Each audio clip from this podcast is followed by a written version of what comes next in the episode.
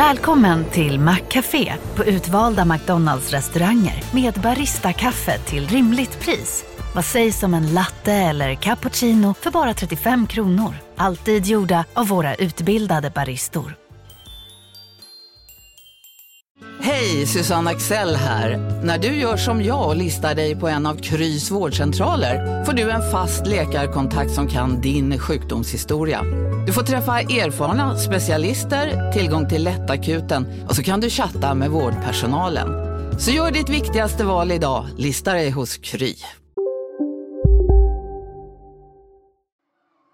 Från Monopol Media, det här är Kapitalet. Jag heter Gunnar Harjus. Jag heter Jakob Bursell. Jakob, välkommen till Christie's auktionshus i New York den 13 maj 2019. Tackar, tackar. Varsågod. Det är Impressionist and Modern Art-kväll. Mm. Favoritkväll på Christie's måste jag säga. Ja, för mig med faktiskt. Eh, du vet hur det ser ut där inne. Det är ett stort grått rum, 60-70 pers i publiken, stort podium mm. längst fram och så två läktare på varsin sida. Just det, och där uppe står de här Christie's-typerna med massor med telefoner och tar emot olika bud från folk. Just från, från, rika människor. Från mycket, mycket rika människor. Mannen som leder aktionen är såklart eh, Adrian Meyer, Adrian Meyer, ingen vet hur det namnet uttalas. Det är en stilig man som så här, verkligen är från bara så här, kontinenten Europa. Det känns som de här auktionstyperna bara alltid är det. Adrian Meyer liksom bryter på alla språk samtidigt. Han kan alla språk men inget perfekt. Han bryter på alla språk samtidigt. Han är en från Tyskland, en från Frankrike, en från Luxemburg. Ingen vet. Troligtvis är han bara från ett, något sånt lite så hemligt europeiskt furstendöme vars enda uppgift är att föda upp strama, karismatiska personer som kan leda konstationer. Welcome to all of you who are joining us right now on Christie's Live. This is the Impressionist and Modern Art Evening Sale in New York. And we should start right away with lot number one. Det kommer och går lite krafts. Eh, det är en eh, Picasso. For four million four hundred thousand dollars. Sold to you for four to battle three two zero. Det är en Henry Moore, en van Gogh, en Chagall, en Magritte. At one million three hundred thousand. And selling for thirty-five million. Men det här bryr vi oss inte nämnvärt om. För det vi är här för, Jakob, det alla är här för, det är ju då objekt nummer 18. Lot 18. Vi är ju här för Cézannen. Bouilloire. Ett av Cézannes mest framstående stilleven faktiskt. Det är en vattenkanna, äpplen, citrusfrukter på ett bord med en skrynklig duk framför något så abstrakt franskt landskap. Ett mästerverk. And for this Cézanne masterpiece shown here in front of you ladies and gentlemen we should start here at 30 million dollars. At 30 million dollars. Det är spänd stämning i salen nu. Adrian Mayer blickar ut över läktarna där hans undersåtar står och tar emot bud. At 30 million, 32 million, at 32 million dollars, 34 million, at 30, 36 million, at 36 million with Max Carter now, at 36 million dollars now, at 36 million dollars. Det håller på ett tag.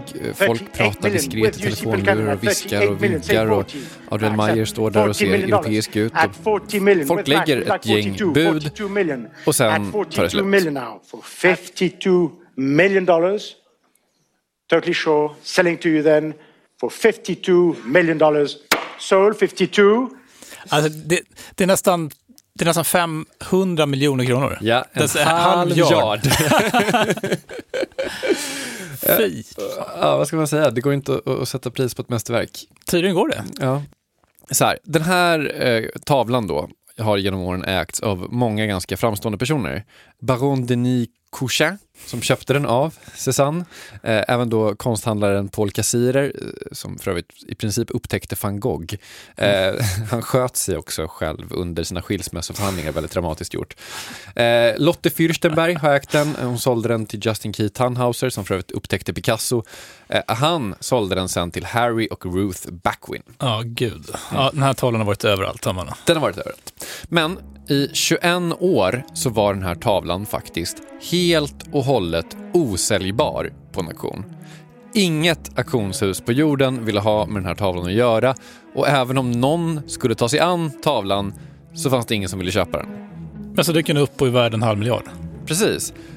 Och anledningen till att den nu kan säljas och att den kan säljas så dyrt det är för att några väldigt, väldigt smarta personer har klurat ut en lösning på ett av de allra största problemen som finns med ekonomiska marknader. Lösningen på problemet som gjorde att ett Cézanne-mästerverk kunde gå från osäljbart till att säljas för en halv miljard efter det här.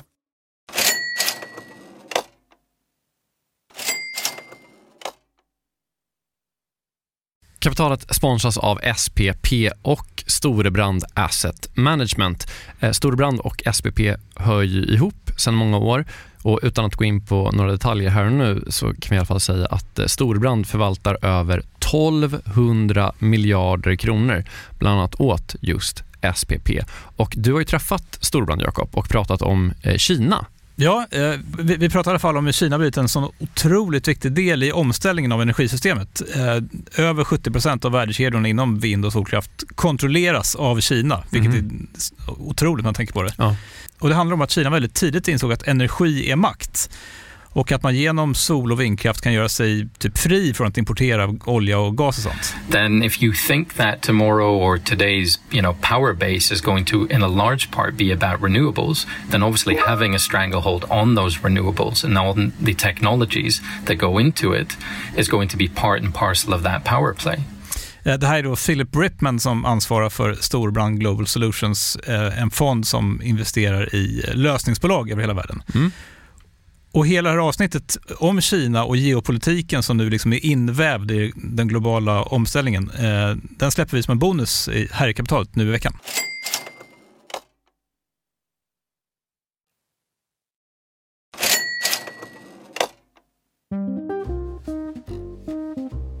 Okej, okay, jag måste säga att jag gillar den här inledningen. Mm. Det, det, finns ett problem med marknader. Ja. Bara där är min nyfikenhet. ja. och, och, och lösningen på det problemet kan få en tavla att bli värd en halv miljard. Precis. Eh, man kan väl säga att det finns ett problem med konstmarknaden lite mer specifikt. Mm. Eh, även om det också finns ett problem med massa, massa andra marknader. Mm. Eh, det är ett fenomen som är ett problem kan man säga. Eh, vad vill du börja med? Vill du börja med tavlan som är värd en halv miljard eller fenomenet som är ett problem med marknader? Definitivt tavlan. Okej, ska man börja med tavlan så ska man börja att prata med Anja Shortland.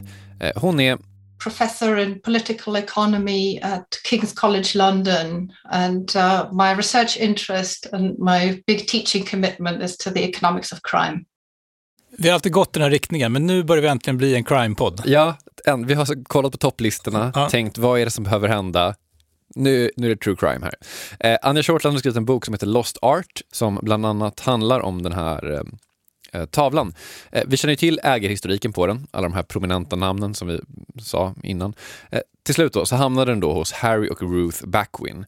De är något sånt så eh, rikt New England-läkarpar eh, som samlade på konst. Mm. De hade det riktigt bra de. Jag tror att de hade det väldigt bra. Lite väl bra skulle man kunna anklaga dem för. Eh, för att de verkade inte vara så nogräknade med att eh, gömma nycklarna till sitt Massachusetts semesterhem där det hängde en Cézanne-tavla. Händer hela tiden. Det gör ju det. Eh, så en dag när de kommer hem från gissningsvis något galleri eller någonting eh, så är den här då eh, Cézanne-tavlan Bouillard et Fruit och även sex andra lite mindre kända tavlor borta. Oj, oj, oj. Stulna. Precis. Vad hände sen?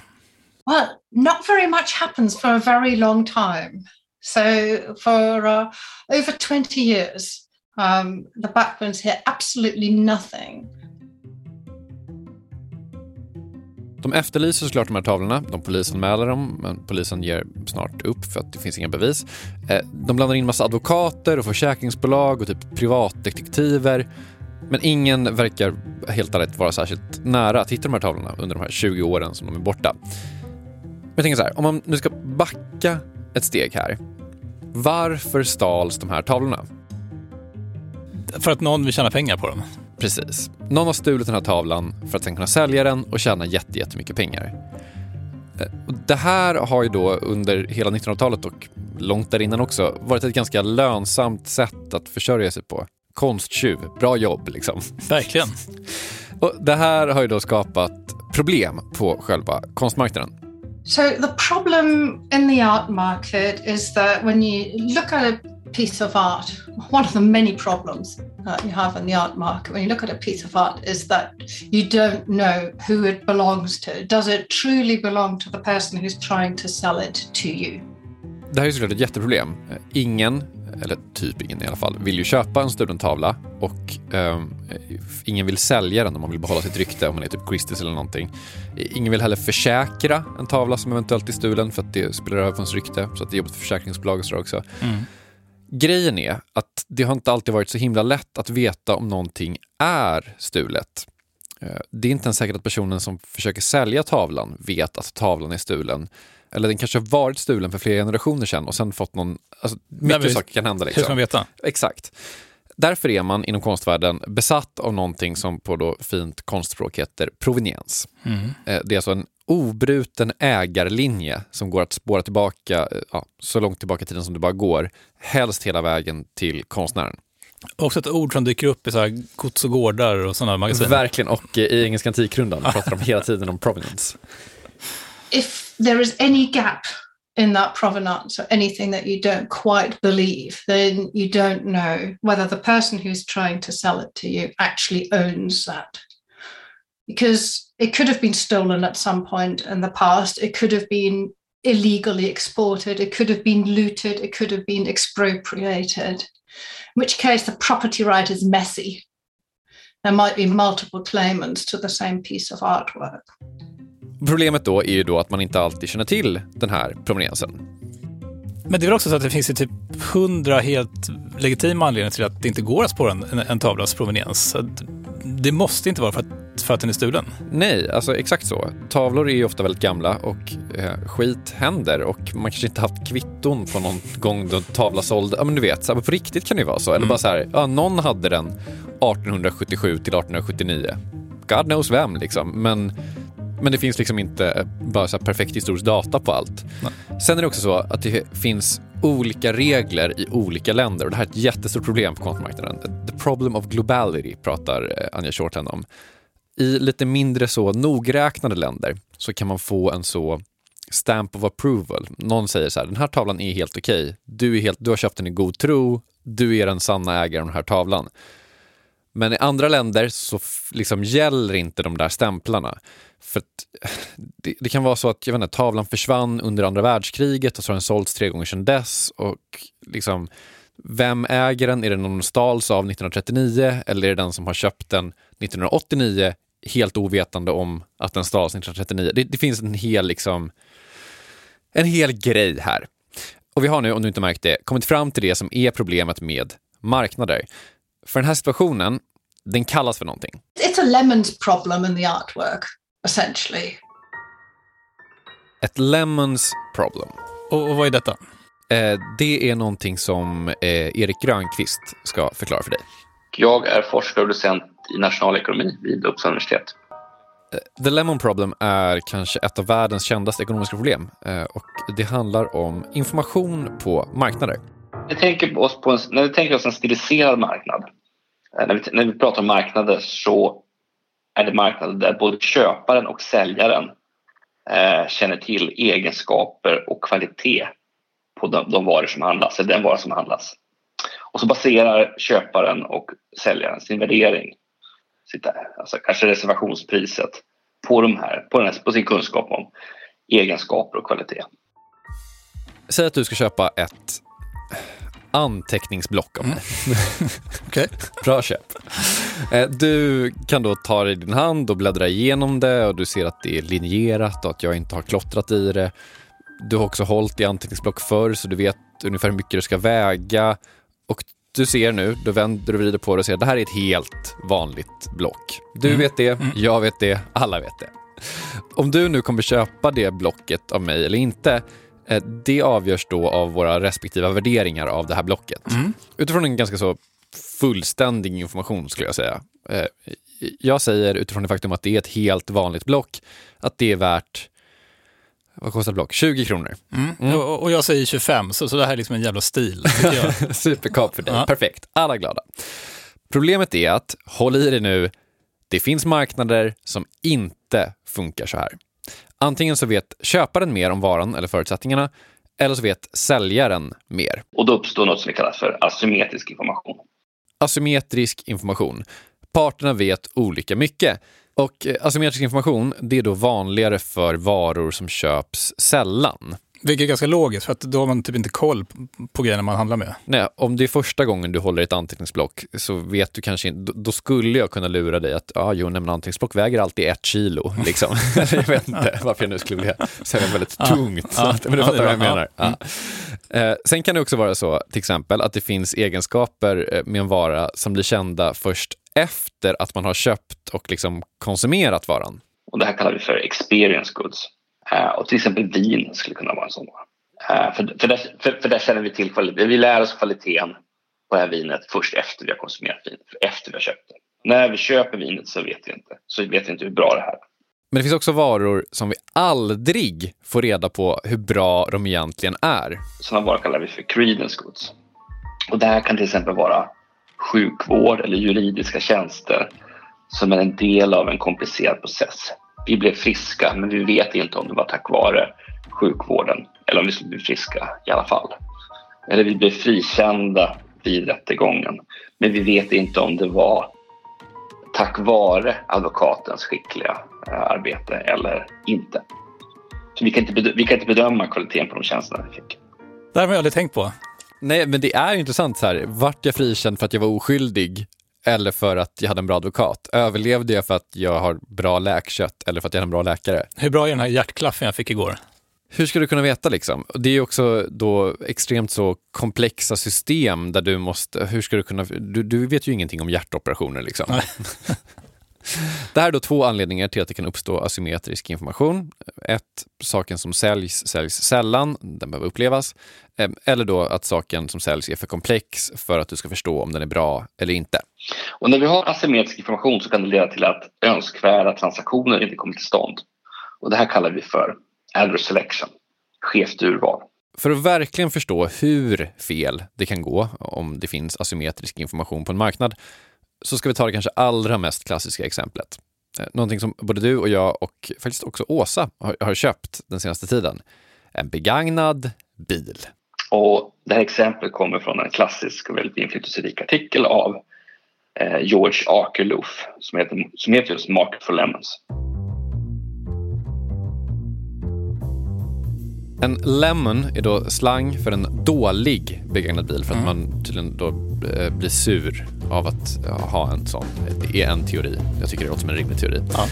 I den här artikeln då, som jag tror är världens mest nedladdade ekonomiska forskningsartikel, eh, som också för övrigt gav då Akerlof Nobelpriset, så berättar han då att det finns två typer av begagnade bilar. Lemons då, som är dåliga, och Peaches, som är, Jakob Bursell då? Bra! Skönt att du är med. Och som konsument eh, så tänker vi då såklart att en peach är värd mycket medan vi då har en lägre värdering av en lemon. Mm. Bra bil värd mycket, dålig bil värd lite. Problemet då, som både du och jag och Åsa varit med om, det är att man som köpare inte har en aning om vilken bil som är bra och vilken bil som är dålig. Nej, men du åkte fram och tillbaka till Uppsala, du stod på någon parkering i Huddinge, sparkade på något däck och säljare sprang runt pekade på alla fördelar det fanns med hans Nissan Note som du skulle köpa och, och eh, du fattar inte jättemycket om detta. Nej, det är liksom inte bara så att jag inte vet huruvida den här Nissan Noten som står på den här grusplanen i Haninge är en bra bil eller inte. Jag vet liksom inte ens hur jag ska kunna tillgodogöra mig informationen om huruvida jag kan ta reda på huruvida den är bra eller inte. Alltså det är liksom så många steg bort från att jag ska veta om en bil är bra eller inte. Ja, du tittar ju bara på den. Ja, exakt. Och saker jag vet om hur en bil funkar, liksom, det får plats på en post-it-lapp. Och saker jag vet om hur man kollar hur en bil ska åldras de närmsta fem åren, eller hur länge du ska ha den här bilen, det är, alltså det är exakt noll saker. Mm. Ja, men jag känner igen det där till, till 100 procent. Och för mig så slutade det med att jag köpte bilen osedd. Mm, jag kunde lika gärna köpt min bil osedd kan jag säga också. Det hade varit exakt samma upplevelse som när jag faktiskt stod och stirrade på den.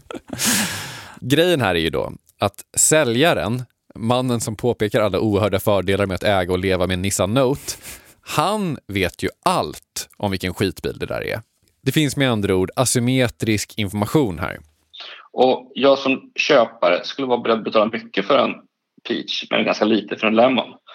Men eftersom jag inte vet vad det är för kvalitet på bilen så är jag beredd att betala något, någon typ av genomsnittspris som baseras på sannolikheten att bilen är en Peach respektive Lemon. Jag vet ju då inte hur bra den här specifika Nissan Noten på grusplanen i Haninge är. Men jag vet vad en Nissan Note från 2012 brukar kosta, för jag har koll på Blocket, och jag vet vad typ likvärdiga japanska halvkombis brukar kosta.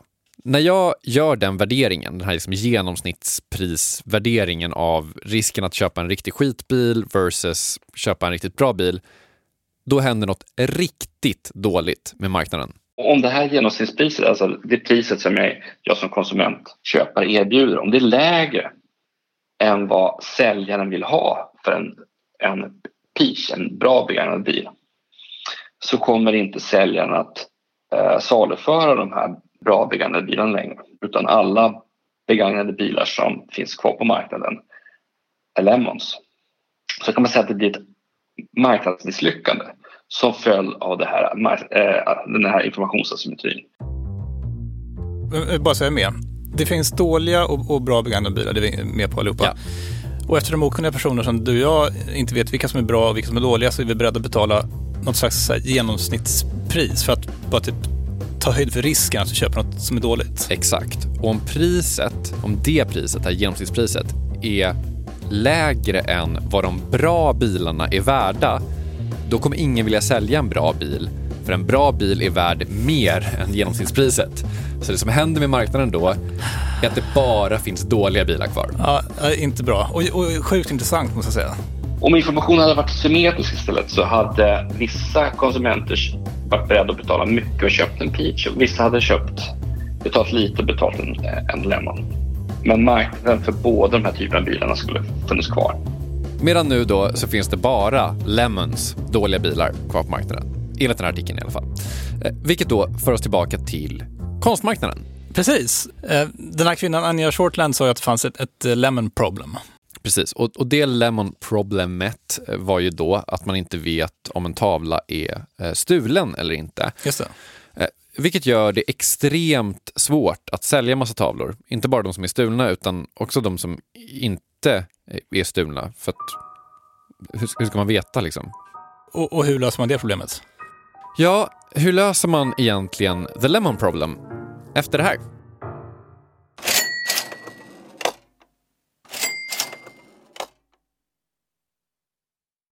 Vi sponsras av SPP och vi var med dem eh, på Tech Arena förra veckan. Och jag tänkte berätta om en bolagspitch som jag såg. Ja. Det dyker upp en italiensk eh, tjej på scen som heter eh, Eleonora Cavani, en för detta bioingenjör och konsult som kommer på att bakteriekulturen i magen är en källa till en massa problem för folk. Eh, och att det liksom börjar tidigt i livet. I have a lot of allergies and I have eczema and I've been through a lot uh, trying to change my diet and my lifestyle to really reduce my symptoms which I managed to do and uh, once I learned more about the microbiome it, it really shocked me to find out that we know that some gut microbiome imbalances in early life are linked to chronic diseases for the rest of life so I thought wow how strange that we know so many things and we're not really using them in real life. So I, I, felt like I had to do something. Så hon startar något som heter Alba Health, att förväxla med Alba Golf som vi gillar, eh, där småbarnsföräldrar kan skicka in prover från sina barn. We send you a kit. Um, it's a test that you can take at home. We need a poop sample. You can take it from the diaper. We receive it, we analyze it, we give you back results and recommendations on uh, lifestyle, food and uh, potentially probiotics. Och, och folk kommer liksom tycka att det är lite äckligt och sånt, men jag kände så här, det är så mycket negativitet i världen just nu. Eh, och du var inne på det tidigare, liksom att det här stället var ju fullt med folk som typ vill göra grejer. Mm. Och här springer omkring liksom sjukt duktiga människor och bara försöker förbättra för folk och göra världen till en bättre plats. Och Eleonora då och Alba Health är ju liksom ett sånt gäng som var där. Mm. Av liksom hundratals. Ja. Eh, och det gjorde mig glad faktiskt. Ja, nej, det, jag tycker det lät toppen och grejen är också att sådana här idéer och projekt som förbättrar samhället över tid, de tar tid eh, och behöver liksom långsiktigt kapital. Och då kan ju vi genom pensionerna göra stor skillnad. Jag ska säga att SPP har ingenting med Alba Health att göra. Jag, jag hittade henne bara, jag tyckte hon var duktig. Caset finns ju och det är väl den här typen av saker som kan ta väldigt lång tid, där pensioner verkligen kan göra skillnad och där liksom pensionernas roll i ekonomin kan bli extra tydlig. Och den kopplingen tänker man inte på så, så ofta. Nej, men eh, med den kopplingen in mind så säger vi tack till SPP som gör oss medvetna om pensionernas roll i ekonomin och herregud i vår privatekonomi också. Precis, tack. Tack.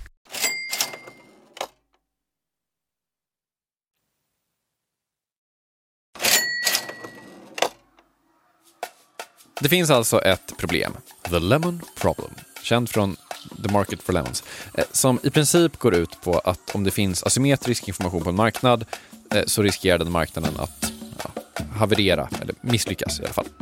Och det här var då ett problem på konstmarknaden där, där information som saknades ofta hade med stölder eh, att göra. Ja, men misströsta inte nu, för det finns faktiskt en, en lösning på det här. Eh, En, en lösning som inte bara gör att konstmarknaden funkar bättre, eh, utan faktiskt också kan eh, minska antalet brott. Spännande. Tack. Men först, det finns några klassiska lösningar på Dilemma Problem. Till exempel då, om säljaren vill veta mer om kundens behov eller livsstil, till exempel om du ska sälja en livförsäkring till någon, då kan man erbjuda massa olika alternativ på lite smarta sätt och genom det sättet så kan man liksom utjämna informationsasymmetrin. Eh, det här brukar kallas för screening. Man kan också signalera olika saker. Om du ska sälja en bil så kan du erbjuda en lång garanti som liksom en signal på att bilen faktiskt är väldigt bra. Du litar på den här. Eh, så det, det finns eh, grejer att göra men de, är ofta, de kostar ofta något. Liksom. Precis, typ som att eh, göra en jättenoggrann besiktning. Det, det är dyrt men, men det utjämnar den här informationsasymmetrin också. Precis. Eh, Man kan väl säga att det man gör på konstmarknaden, det är, en, det är liksom lite av en kombination av alla de här sakerna kan man säga. Och nu du Jakob ska du få höra en riktigt tråkig lösning på ett oerhört spännande problem. Det som löser allt det här, det är att ett företag skapar en databas. Okej. Databasen heter uh, The Art Loss Register. Uh, och det är alltså egentligen den databasen som Anja Shortan skrivit en, en, en bok om. So, what the Art Loss Register offers is for theft victims or their insurers um, to write into them and say, This is what I had, and document that with excellent photographs. So, if it comes onto the market, it can be found again. They also have to document that they originally owned that, uh, that, that, that stolen item. Okej, så, så, så när man blir av med en tavla så, så ringer man till, till det här registret och säger min tavla är stulen. Just det, och sen betalar man lite för det. Och sen, eh, och det här är det som gör att det här verkligen funkar, så har då auktionshus och försäkringsbolag och konsthandlare, liksom alla de här parterna som tidigare drabbats av att konstmarknaden varit så shady, de har gjort det till praxis att liksom stämma av allting med den här databasen mot betalning by the way, liksom innan man kan sälja någonting eller försäkra någonting eller auktionera ut någonting eller ja, vad som helst. Okej, jag bara försöker ta in storheten i det här. Vad, vad, vad är... vad, fortsätt. så här, det finns flera saker som är väldigt smarta med det här. Eh, nummer ett, det är ett privat företag, eh, vilket gör att de kan hålla databasen hemlig. Mm. Så om du är typ tjuv eller hälare eller bara allmänt shady konstperson, då kan du liksom inte själv hela tiden stämma av mot databasen, utan eh, det händer då och då liksom att folk typ åker dit för att de typ vill kolla att tavlan de har stulit inte har dykt upp i databasen och sådär. Alltså vilken jävla obskyr men, men, men fantastisk eh, affärsidé. Ja. Så, så det, det är inte bara så att man utjämnar den här informationssymmetrin, man, man flyttar den helt och hållet på något sätt. Ja, på något sätt gör man att de som eh, inte vill ha med stulen konst att göra får typ informationsövertaget kan man säga. Och när man har gjort det, när man liksom upprättat den här databasen och flyttat symmetrin, eh, då börjar det dyka upp grejer. Eh, till exempel då så skulle det kunna hända sig att eh, olika typer av Cézanne-stilleben som stals från ett läkarhem i New England dyker upp.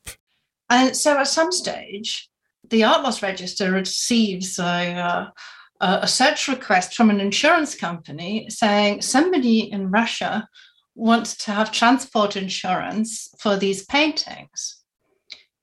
Can you give us an all clear?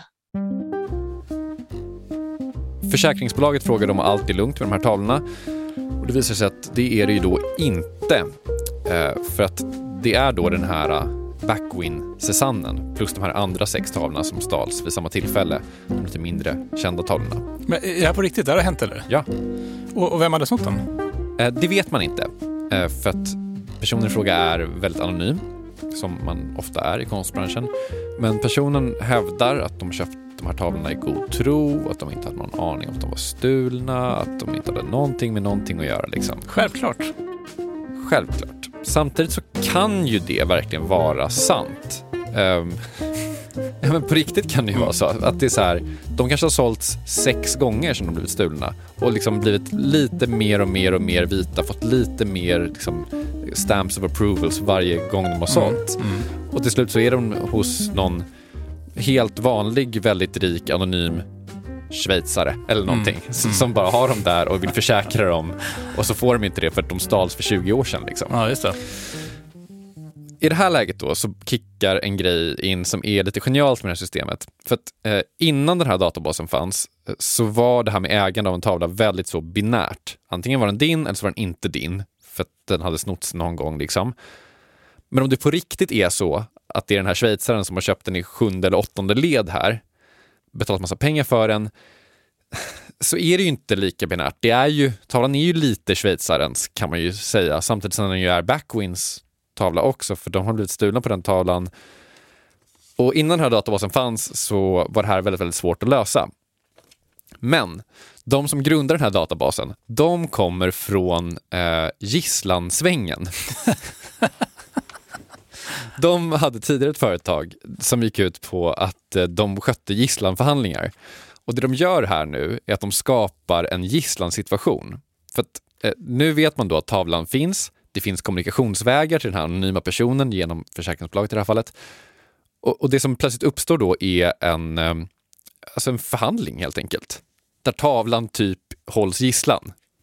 Men kan man inte jävlas också och, och bara anmäla en tavla stulen typ för att förstöra för andra? Det är sjukt svårt. De har ju liksom då såklart massa personer som jobbar med att verifiera att du har ägt tavlan och du ska kunna visa massa bilder och kontrakt och kvitton och certifikat. Alltså det, det, du, kan, du, skulle inte kunna ringa och säga så här, mm, min van Gogh blev stulen igår. Utan då kommer de säga nej, det var den inte.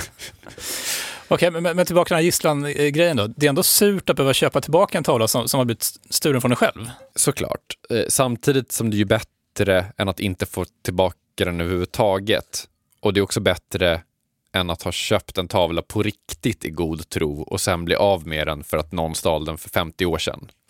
I det här fallet då, Cézanne-fallet, eh, eh, så lyckas de här två, den ena hemliga och den andra inte så hemliga parten, nå någon slags överenskommelse. If you give us the property rights um, to the six lesser paintings, then we're willing to relinquish the Cezanne. So that was what they uh, ultimately decided to do. Uh, they said, okay, you show us the Cezanne. If we think it's authentic, then we will write a contract with you, giving you possession and the title to the six remaining paintings. Det är en miljon turer här ska sägas. Man, är, tavlan verkar finnas i Ryssland, det verkar typ vara maffian som har den, men så visar det sig att det är inte det, utan tavlorna finns såklart i Schweiz. Så till slut kan man åka ner dit och någon typ på riktigt så här rullar förbi i en bil och lämnar över en Cézanne i en plastpåse. I utbyte mot ett papper där det står att de kan behålla de andra tavlorna och det är liksom, de är registreras i något Panama-företag och det är det ena och det tredje. Sen, ett par år senare, så kommer det fram genom databasen by the way att det är en amerikansk advokat som har haft alla de här tavlorna i alla år. Och han har fått dem av sin klient som var en konsttjuv. eh, som sen typ dog i någon sån shootout i Texas och så bara har den här advokaten haft alla de här tavlorna i alla de här åren. Ja, så att, och då gavs den tillbaka till Backwins och Backwins sålde den här tavlan på auktion. Eh, inte den auktionen vi hörde i början utan en auktion typ 15 år tidigare. Ja, slutet gott. Ja, en grej till faktiskt som är ännu godare. Eh, så här, det är väl jättebra att kunna ge tillbaka tavlor till rika knösar eh, eller New England-läkare och sådär. Och det är väl kanon att man liksom hittat ett bra system för att utjämna informationsasymmetrin. Allt det där är kanon.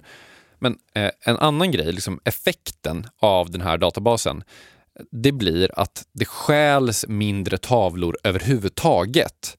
För att som konsttjuv så är det typ inte värt det. För att tavlorna kommer alltid dyka upp i den här databasen och då blir de osäljbara.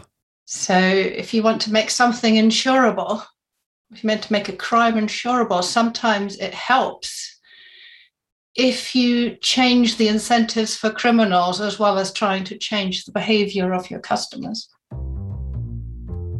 Så, så, så genom att erbjuda marknaden mer information så begränsar man förekomsten av brott. Det, det, det är så intressant. Det är faktiskt intressant. Eh, inte bara att man begränsar brottet då, utan man gör också att folk blir beredda att betala 52 miljoner dollar för en Cézanne. Det var ju ett riktigt bra stilleben.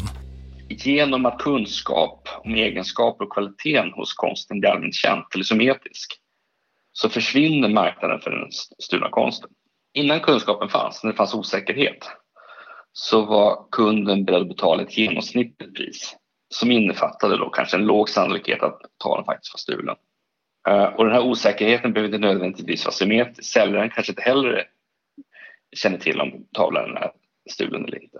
Men genom att man då får säkerhet om huruvida det är ett legitimt verk eller inte så är kunden beredd att betala ett väldigt högt pris, eller ett högt pris för ett legitimt verk, men ett mycket lågt pris, kanske noll, för stulen konst. Vilket då innebär att just att informationen blir känd, symmetrisk, så upphör marknaden för stulen konst. Och att värdet eh, av att stjäla konst minskar också då, när kunskapen om vad som är legitim konst blir symmetrisk och Just för att priset eh, på den här konsten sjunker. Så, så, så, det du säger är att vi inte bara löst problemet med marknader här idag, utan vi också minskat brottsligheten? Det är det jag säger. Och vi har blivit bättre på att köpa och bygga nya bilar. Nu har vi faktiskt tre stycken otroliga bilar, eh, så, så det är lugnt. Ja. Och, och, du köpte ingen en pissan Note, heter det? Nej, min bil är faktiskt världens bästa. Anja Shortens bok heter Lost Art. Eh, följ oss på Instagram, där heter vi Kapitalet. Vi är numera bra där eh, på grund av Malin Holmqvist, vår nya sociala medieredaktör. Eh, vi heter Jakob Bursell och Gunnar Harjus, Åsa Secker och Agnes Wenzel Blank har också varit med och gjort det här avsnittet. Rasmus Diamant har mixat det här i väntan på Kristoffer Kroks återkomst från sin pappaledighet. Hej då! Hej!